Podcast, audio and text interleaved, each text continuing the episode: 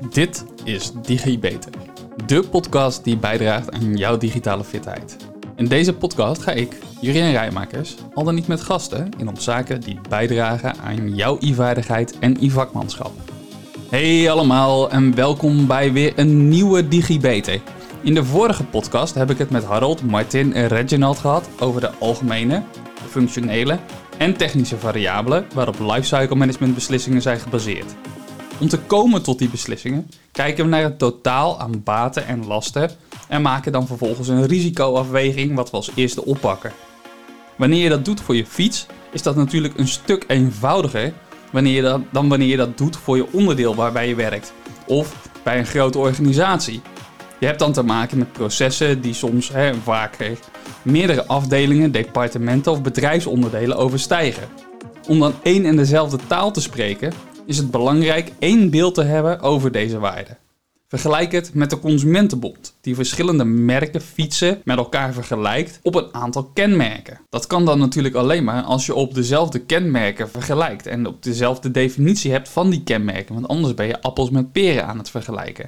Het is dus belangrijk dat je, zeker binnen de organisatie waarin je werkt, een consensus hebt over die variabelen op basis waarvan je de beslissing maakt. Zonder consensus heb je namelijk een heel ander beeld over de fase waarbinnen je asset in de levenscyclus zich zal bevinden. Reginald, aan jou de vraag. Als je kijkt naar levenscyclusmanagement, hebben we het de vorige keer gehad over dat je zicht moet hebben op de baten voor de organisatie, zoals welke processen worden door de asset ondersteund. Hoe goed achten de gebruikers de kwaliteit van de ondersteuning? En hoe goed is het in het gebruik, maar ook wat zijn de lasten van zaken zoals beheer, onderhouds- en wijzigingskosten van een asset. Als we op basis van een zojuist genoemde variabelen kunnen aangeven waar een asset staat, of dat er een beslissing nodig is over investeren in technische of functionele aspecten of uitfaseren en waarom, ofwel op basis van de baten tegen de lasten afgezet. Is dat dan wat lifecycle management is? Uh, het gaat zelfs verder. Je moet ook uh, um, een zicht hebben, of tenminste een plan. Al begint te bedenken, hoe ga ik dit namelijk verwijderen slash vernietigen. Een soort onderhoudsplan. Uh. Nou, je hebt onderhoud, weet je, om het, om het ding nog steeds uh, in staat te houden. Maar je hebt ook het punt van, ja, ja je zegt van, hé, hey, dit, dit, dit gaat gewoon niet meer, uh, we gaan niet meer redden met dit, dit, dit, product. We moeten gewoon verwijderen. Want als je gaat behouden, dan heb je, ja, in ons vakgebied, weet je, dan heb je nog steeds uh, te, te, maken met IT-kosten die je gewoon betaalt. Maar eigenlijk heb je helemaal geen baat meer van. Ja, dan wil je die componenten gaan verwijderen. Ofwel misschien vernietigen. Dus uh, hoe ga je ook daarmee om? Dat valt ook onder lifecycle management. Ja, dus eigenlijk ook de onderhoudskosten. Dus je moet er budget voor hebben. Dat geld moet, moet je gewoon hebben. Dus dat, daar moet je allemaal rekening mee houden. Dus er is duidelijk wel een financiële inslag. En dat je op die manier dat ook planmatig, hoor ik je zeggen, doet. Ja, en, en dus wat Regin dat zegt, het, het, einde. Hè? Dus het einde. Dus het is, voor mij had uh, Julian in het begin helemaal gezegd, hè? het is van, van cradle to grave. Hè? Dus van, het ontst, van eigenlijk het ontstaan van het idee tot eigenlijk weer het, het as van de fiets. Om hem dan zo te gebruiken. Kijk, en waarschijnlijk heb je met de fiets, ja, zal je hem wegdoen, verkopen of... Uh, om laten smelten? Nou, grappig genoeg, grappig genoeg, eigenlijk, zelfs uh, uh, de metafoor van een fiets past gewoon hier goed bij. Wat we gewoon doen in ons uh, vakgebied. Alleen in ons vakgebied zijn we namelijk in een andere fase, laten we zeggen, van lifecycle management als we denken aan, een fiets. Aan een fiets denk je van, weet je, je gaat naar een fietsenwinkel, je vraagt de adviseur aan van, hey, wat we die voor fiets moeten hebben. Dat is in principe al het um, ideevorming. en dan neem je een besluit, koop je een fiets, dat is je aankoop, daarna ga je hem rijden, ga je hem onderhouden, ga je proberen aan uh, uit te rusten met allerlei andere onderdelen. En uiteindelijk kom je tot een punt dat je hebt iets van, oké, ik moet dit weggooien of ik moet iets ermee doen. Of verkoop je hem of, uh, of lever het in bij, de...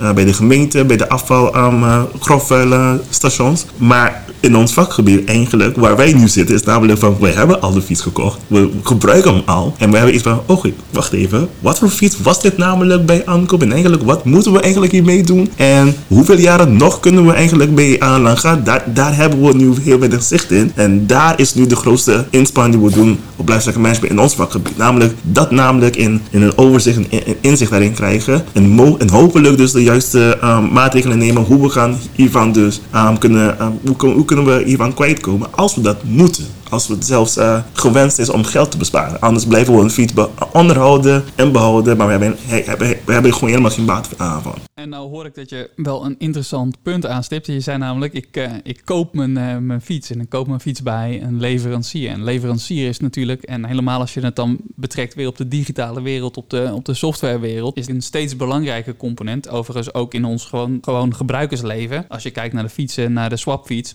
Hoeveel mensen rijden nu niet op een swapfiets? Wat speelt een leverancier hier nog voor een rol in? En hoe ga je die meenemen in je technische eisen? Ja, dat is een goede. Ik, ik vind dat als je het hebt over de leverancier, dan moet je voornamelijk in je achterhoofd hebben van hiermee moet je namelijk de exploitatie van je producten mee moeten gaan draaien. Ik bedoel, als je het wil gaan servicen, je, je moet al weten, ja, ik, ik heb een contract met een leverancier. Dit is bijvoorbeeld de type kosten die ik aan daarbij kan verwachten. Dit zijn de type onderhoud die ik aan van die leverancier kan verwachten. Dit zijn de type upgrades of zelfs downgrades die ik van de leverancier kan verwachten. En dat kan ook um, beperkend zijn namelijk van de functionele wensen die je zou kunnen hebben voor je, voor je product, maar ook de technische eisen namelijk die komen bij aan product. Een heleboel leveranciers die we, die we, waarvan we nu af, afnemen bij de Rijksoverheid dat gewoon, ze zijn van oude applicaties die eigenlijk niet zijn gegroeid met de, met de moderne IT-samenleving die we nu hebben. En dan moeten we nu allemaal nieuwe IT-wetgeving op gaan toepassen. Bij de leveranciers zeggen we ja, leuke naden, maar misschien kunnen we dat gewoon niet. Of uh, moet je heel, heel veel meer op moeten gaan betalen om dat voor elkaar te krijgen. Aan de andere kant, Julian,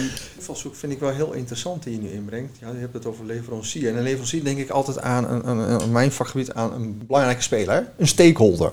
Dus eigenlijk als ik kijk naar lifecycle management, is stakeholder, eh, de, de, belangrijkste key place, is volgens mij cruciaal. Eh, met mooi wordt in mijn vakgebied het stakeholder management. Martin, wat vind jij daarvan? Nou, dat klopt. Eh, volgens mij is het zo dat je, dat je drie groepen onderscheidt. Je hebt vertegenwoordigers eigenlijk van de, van de gebruikersorganisatie. Die komen vooral voor de, voor de functionaliteit. Dan heb je een regieorganisatie en de ontwikkel-beheerorganisatie. En die hebben allemaal een, een, een, rol erin. En als we dan hebben over leveranciers, dat wordt natuurlijk steeds complexer.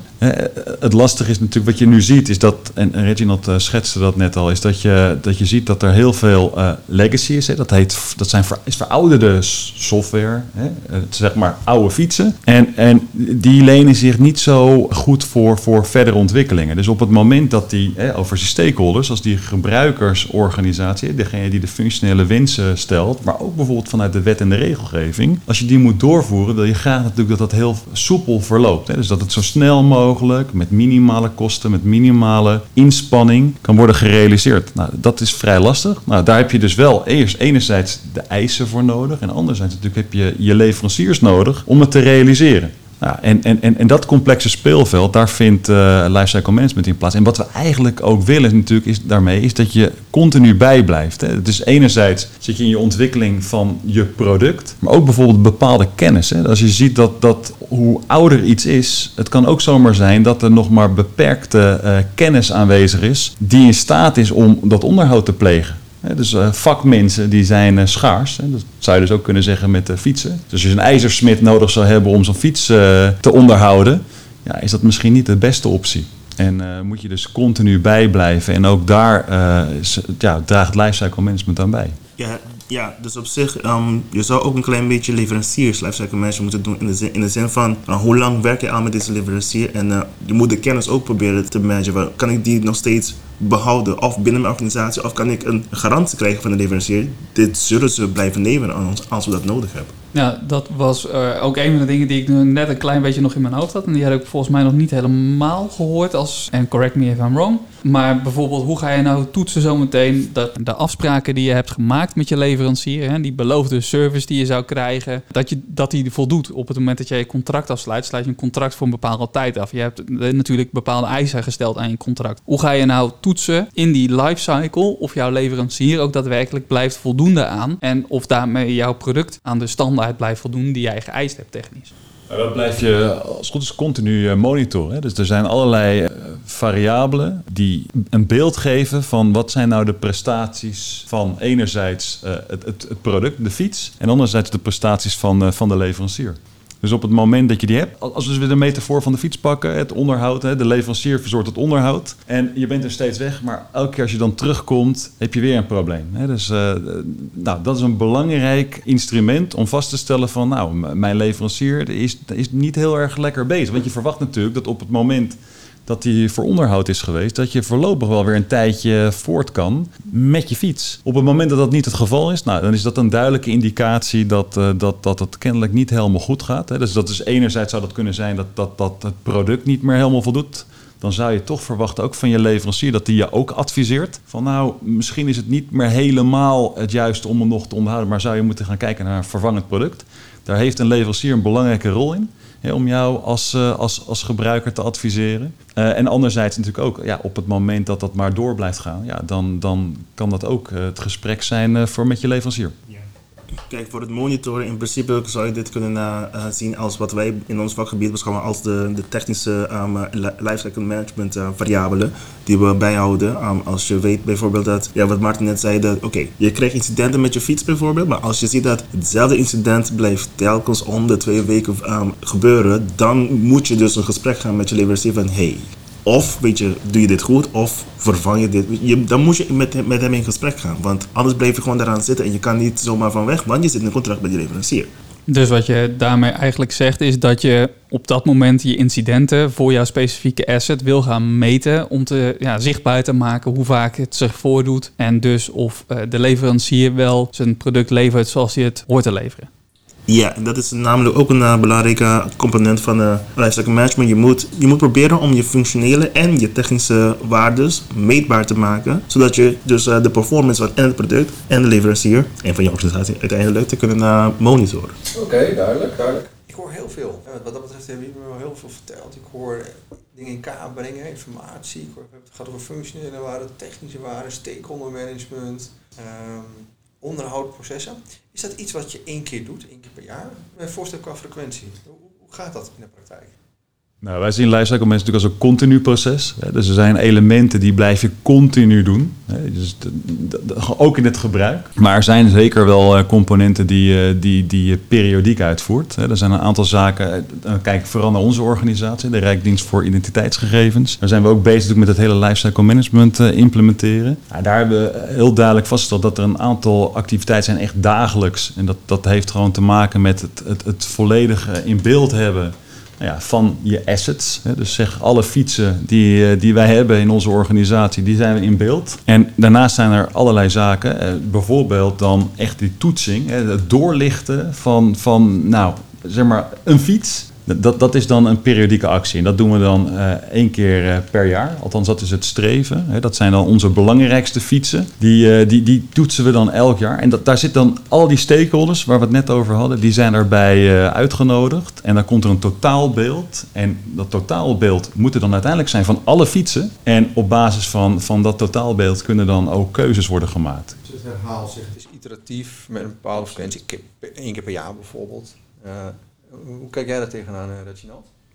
Voor mij, ik zie lifecycle management, volgens mij kun je, het net uh, kunnen zien. Het is een multidisciplinair een vak gewoon. Ja, sowieso heb je één iemand die, laten we zeggen, uh, stip op de horizon in, in, in de ogen aan blijft hebben van hey, we moeten wel een richting op. Dit is namelijk het doel van lifecycle management. En dat zou meer zo van lifecycle management lifecycle management aanjager zijn binnen een organisatie die al de disciplines samenbrengt. Om uit te leggen waarom zouden we samen moeten werken. Want ik, ja, al deze soorten um, disciplines, stakeholder management, financiële um, um, zaken in, in kaart brengen, technische zaken regelen, contractmanagement, dat kan één persoon zelf niet doen binnen een organisatie.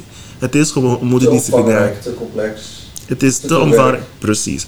En voor die reden, um, je moet zeker iemand hebben binnen een organisatie die gewoon het doel van lifecycle management blijft preken aan iedereen van hey, dit is gewoon belangrijk voor de hele organisatie. Het is niet jij op je eigen eilandje, alle eilandjes moeten samenkomen om, laten we zeggen, Pangea te gaan uh, weer vormen.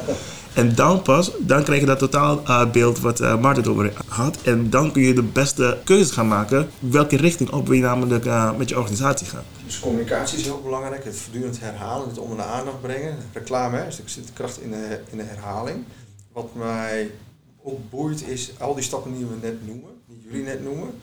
En dat het dus iteratief is, dus het is herhaald. Wordt dat op, aan zich als pakket ook geëvalueerd? Doen we het nog wel goed? Goeie vraag. Nee, maar dat is ook absoluut een eh, onderdeel eh, van, van het hele lifecycle management proces. Dus even los van, van inderdaad de stappen die je moet doen om lifecycle management uit te voeren binnen je eigen organisatie, is er ook gewoon altijd een continue verbetering. Hè? Dus er wordt elke keer wordt ook gekeken naar het proces. ook alle onderdelen, dus de, de, de, de deliverables die eh, vanuit LCM eh, voortkomen, dat wordt gewoon periodiek ook geëvalueerd. Dus continu om het te verbeteren. Ook te zorgen natuurlijk dat de organisatie, dat de waarde ook van die producten en maar ook het proces hoog blijft. Dus absoluut dat continue verbeteren is een wezenlijk onderdeel van lifecycle management. Dat is goed om te weten. Een soort kwaliteitscirkel die, die, waarvan je van doordrongen bent en dat je dat dus gebruikt om je lifecycle management ook naar steeds naar een hoger niveau te tillen. Dat is wat ik je hoor zeggen eigenlijk. Ja, in principe is gewoon continuous uh, improvement gewoon um, de drijfveer um, achter lifecycle management.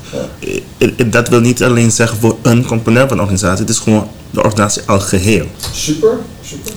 Ja, ik, ik hoorde Martin net al noemen. Ja, het is niet, eh, niet één fiets. Het is, het is bijna een park van fietsen. Eh, dus het is een, eh, een, een park met vervoersmiddelen. Als we hem nou eens gaan vertalen naar de digitale wereld. Ja, waar ik, ja, waar ik naartoe wil is natuurlijk... ehm, ehm, als we het nou eens over de technische aspecten hebben van een systeem. En we kijken vanuit de disciplines die we kennen, zoals informatiehuishouding, vanuit data, vanuit informatiebeveiliging, vanuit privacy. Het zijn allemaal verschillende kanten waar eisen gesteld worden vanuit je, eh, ja, vanuit je organisatie, maar ook waar eisen aan liggen vanuit wet en regelgeving. Hoe passen jullie dat toe? Hoe werken jullie samen met die verschillende dis- disciplines om te zorgen dat dat op zijn pootjes terechtkomt en dat dat ook landt in die levenscyclus? Nou, hoe wij dat hebben gedaan, eh, of, hoe we er nu naar kijken, is dat wij zeggen van bijvoorbeeld dat eh, IB, hè, dus informatiebeveiliging en privacy, dat is een wezenlijk onderdeel ook van, van het asset. Wij noemen het ook allemaal asset en wat wij vooral aan het doen zijn is dat wij het asset eigenaarschap, dus iemand is ervoor verantwoordelijk. Iemand kan je aanspreken op die asset en nou, als we dan gaan kijken, dan hebben we een mooi woord governance. De eigenaar. De eigenaar, precies. Hè? Dus, en en dat, dat gaat van als op strategisch, tactisch en operationeel niveau. En daar zit een eigenaar, dus we kunnen altijd iemand aanwijzen. Dus op het moment dat je de naam niet hebt, kun je altijd een laagje hoger en dan weet je altijd wie het is. En, en in die eh, taken, verantwoordelijkheden en bevoegdheden die voortkomen uit dat eigenaarschap, daar zit ook een wezenlijk component dat, dat die ook perso- ja, verantwoordelijk is voor informatiebeveiliging en privacy. En dat wordt ook getoetst.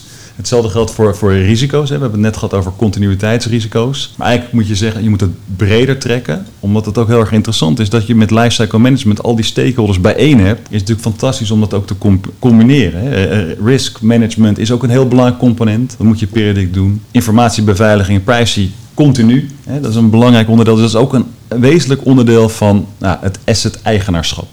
En om daarbij toe te voegen, ik zou, bij ons, bij Dr. Dek, wat we doen is, we proberen de disciplines IB, architectuur en ook lifecycle management um, wat dichter op elkaar um, te laten werken. Omdat we hebben gemerkt, kijk, um, binnen, onze organisatie moeten vaak um, ons verantwoorden op de drie uh, onderwerpen. En we hebben gewoon gemerkt, wij stellen bijna allemaal twee, drie um, gedeelten gewoon dezelfde vragen. Dus we dachten, wat, wat dan als we gewoon samen gaan werken op die, die zes- 60% vragen die we gewoon toch allemaal in beeld moeten hebben voor onze eigen um, discipline.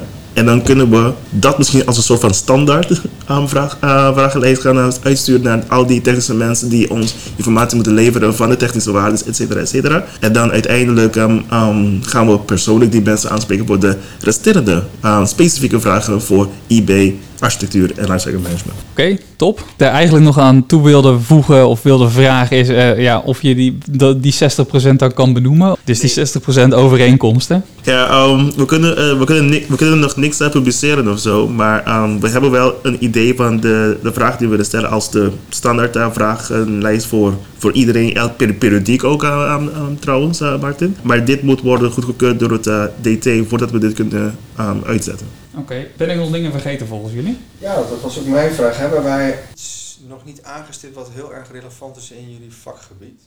Martin en Reginald, Kamer van Lifecycle Management. Wat je onze luisteraars wil meegeven. Ja. Kijk, Martin en ik, we zitten voornamelijk nu um, in de, laten we zeggen, lifecycle management aanjagersrol. En dat is meer dus mensen um, ten eerste hun bewust maken van wat het is, wat het doel van is, wat, wat erbij moet komen en wat je namelijk in, zicht moet brengen om überhaupt een goed beeld van te krijgen. Maar wat ik merk tenminste is dat sommige afdelingen hebben het idee van, oh, dat raakt dus mijn uh, vakgebied niet aan, dus uh, ik hoef helemaal niks erbij te doen. Maar wat wel kan ge uh, gebeuren is, misschien zijn Martin en ik prima onderweg om dingen in kaart te brengen en gewoon via via bijvoorbeeld horen worden, oh ja, een nieuw um, um, systeem is ingekocht door een een inkoper, maar die was nooit met ons in gesprek geweest of met de architecten, et cetera. En dan ga je je afvragen van, oh, dan moet ik ook die mensen ook weer bij trekken. En dan moet je ook de, de leverancier erbij trekken. Um, wat ik wil zeggen is namelijk dat ik wil vooral de luisteraars uh, als tip geven. Zelfs als je niet een IT-persoon bent of de lifecycle management aanjager, wees gewoon bewust. Wees gewoon uh, alert dat het raakt ook jouw vakgebied aan. En dan het raakt jouw vakgebied aan, ook als gebruiker, denk ik dat je bedoelt. Omdat het middel ondersteunt jou als gebruiker. Ik denk dat Martin mij snapt, maar jij niet. ook indirect, hè? Dus indirect heb je altijd impact. Ook binnen elke organisatie onderdeel. Ik neem aan dat je dat bedoelt, toch? Dus dat je zegt van, hè, dus, je hebt onderdelen binnen je organisatie. Nou, en de ene zit misschien meer aan de uitvoerende kant, de andere zit echt meer in die technische hoek. En op het moment dat, dat er een verandering optreedt of iets wordt gemist, ja, dan zou dat zomaar impact kunnen hebben op jou. Hè? Dus als bijvoorbeeld iets wordt gemist, eh, LCM is niet, uh, of sorry, Lifecycle Management, de afkorting LCM, is, is niet toegepast, dan, dan zou het zomaar kunnen zijn dat dat inderdaad sterk verouderd, niet meer functioneert. Ja, en dan heb je er zelf als gebruiker ook last van. Of mogelijk jouw gebruikers, je zit op een front office en dan krijg je allerlei meldingen erover. Ja, dus als gebruiker moet je zelf ook gewoon goed je feedback aan blijven leveren. Precies. Ja, precies. Um, oh, dit is misschien ook een tip. Als je, als je, als je ergens in, uh, in de bedrijfsketen bent, eh, in de bedrijfsproces, en je, en je merkt bijvoorbeeld een component die verbeterd kan worden, geef het door. Want dat is ook een onderdeel van lifecycle management, feedback loop. Telkens als we dus um, het bedrijfsproces of zelfs het IT-systeem kan verbeteren, dat is altijd een voordeel van lifecycle management. Dus ik zou zeggen, alsjeblieft luisteraars, wees, wees niet bang om gewoon een feedback te geven of een tip te geven om een proces of een IT-systeem te verbeteren. Want dat allemaal helpt lifecycle management, lifecycle management beter worden. Ja, twee richtingen verkeer eigenlijk, heel belangrijk, die verbinding. Ja. Precies. En zeg je daarmee dan ook dat uh, bijvoorbeeld een leverancier zelf die feedback loop heel erg sterk in moet richten? Dus, uh, en wat zou je een tip geven als je de leverancier bent juist van een product om die feedback loop tot stand te brengen? Nou, als leverancier zou je namelijk de communicatie met de klant heel warm en open zou willen blijven houden. Anders zou, ja, het kan voorkomen dat klanten um, meer heel koud met jou willen worden, koud contact met jou houden en zeggen van, hey, we willen iets, voer het uit, maar als leverancier heb je iets van, oh, Volgens mij gaat het niet de goede kant op wat betreft um, ehm, IB-zaken of uh, management zaken. En je, ik zou zeggen, als je een warm contact hebt met je klant, dan kun je ze veel makkelijker op zulke punten aanspreken in plaats van telkens koud voor mail en doen alsof. En haal je, haal je dan je feedback op bij, bij je klanten? Dus um, uh, haal ik mijn, haalt Swapfiets, nou misschien is Swapfiets niet het beste voorbeeld hier, haalt de NS met zijn OV-fietsen, halen die dan de informatie op bij het servicepunt waar alle OV-fietsen staan? Of denk je juist dat ze het op moeten halen bij de gebruikers van de specifieke OV-fietsen? En waarom het een of waarom het ander? Ik vind het een beetje een lastige vraag persoonlijk, want ik ben een van zo'n. Ik, ik, ben een van die mensen die als, als ik een vragenlijst in mijn mail zie, dan negeer ik dat gewoon. um, maar dat zou dus uh, een, uh, een uh, mogelijkheid zijn. Weet je, je stuurt zo'n zo'n gebruikerstevredenheid uh, aan uh, enquête door aan de gebruikers bijvoorbeeld. Dat kan. Um, maar het kan ook zijn dat je gewoon ook rond kan lopen. Je kan ook iemand gewoon sturen en gewoon de organisatie um, doorlopen en aan mensen vragen: hey, hoe, hoe bevalt het systeem vandaag bijvoorbeeld? Dan kan het dus voor de gebruikers minder tijdrovend voelen om namelijk zo'n enquête te gaan invullen. Ja, ik denk dat het voorbeeld vrij lastig is. Hè? Kijk, als je gaat kijken naar leveranciers kunnen ook best wel ver uh, afstaan van de uiteindelijke gebruiker. En dan is het natuurlijk de vraag van, eh, is het wenselijk ook dat de leverancier contact opneemt met de gebruiker om te inventariseren of zijn dienstverlening optimaal is? Dus dat, is, dat is een vrij complexe. Maar ik vind het wel interessant, dat we hadden het net over tips. Hè? Wat, wat zou je meegeven? Nou, ik denk dat het allerbelangrijkste is dat LCM niet een wondermiddel is. Het is niet zo dat de LCM de oplossing is voor alle problemen in een organisatie. Kijk, LCM helpt heel erg goed bij het inzichtelijk maken en de juiste keuzes te maken. Dus het is een hulpmiddel en het vraagt natuurlijk de hele organisatie om daarin mee te werken. Uh, ik, we het net ook over, wat, over die leverancier.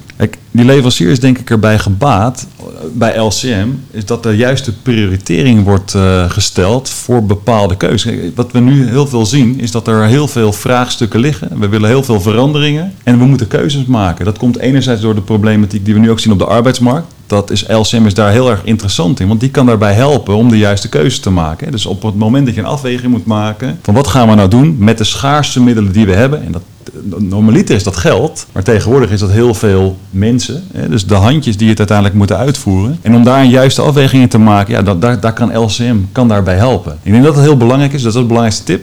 Is dus geen wondermiddel, maar het kan je absoluut helpen om de juiste keuze te maken. Wat natuurlijk wel zo is, is dat het een lang traject is. Hè? Dus voordat je zover bent, Reginald zei het net al, kijk, wij zijn bezig om een soort voorhoede. Ik denk dat we eigenlijk zo moeten zeggen dat wij een vertaling hebben gedaan van het theoretische kader. Hè? Dus het kader wat er is, dat moet je uiteindelijk toch op een of andere manier praktisch maken, zodat de organisatie ermee om kan gaan. Vervolgens is het zo, nu zijn wij de aanjagers, maar het is heel belangrijk dat de organisatie het zelf gaat doorleven. Dus dat betekent ook dat je het moet gaan verankeren. Nou, dat is de stap waar wij nu in zitten binnen onze organisatie. Ja, en vervolgens dan kom je op het moment dat je dan met de informatie die het oplevert, daar dan uiteindelijk op kan gaan sturen. Dat zal in eerste instantie zal dat heel erg operationeel zijn, voordat het naar tactisch en strategisch. En als je naar strategisch gaat, dus dat je echt je keus maakt als organisatie. Hoe gaan Dashboards, dat, dat, dat, dat zegt. Absoluut, hè, want dat zijn allemaal zaken die je gaat inregelen. Dus dashboards, dat, dat, dat, hè, dus de informatie waarop je dan kan gaan sturen. En dat moet allemaal ingeregeld worden. En dat, dat, dat is echt wel een, een klus. En, en, maar dat gaat je zeker helpen als organisatie om inderdaad de juiste keuze te maken. Nou, fijn dat je benadrukt als tip dat het geen wondermiddel is, maar dat het ook een proces is zeg maar, van jaren,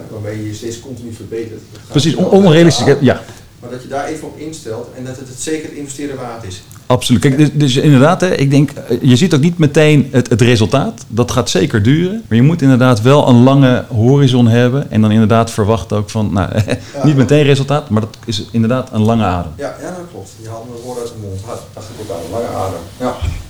Ja, ik, um, ik, ik, denk dat het heeft ook te maken met de fase waarin we zijn. En ook te maken met het vakgebied waarin we werken. Ik bedoel, waar we IV, ja, je hebt het nu. Je moet daarvan gebruik maken, maar je hebt nog geen goed beeld wat het namelijk gaat worden in de toekomst. Dus namelijk bij elke nieuwe situatie, elke nieuwe uh, technische uitvinding, moeten we daar ook, dat ook gaan meenemen in onze um, lifecycle management plannen. Dus die plannen blijven ook telkens wijzigen. Dus ja, uh, ik zou zeggen, ja, wat uh, al zei, het is een middel.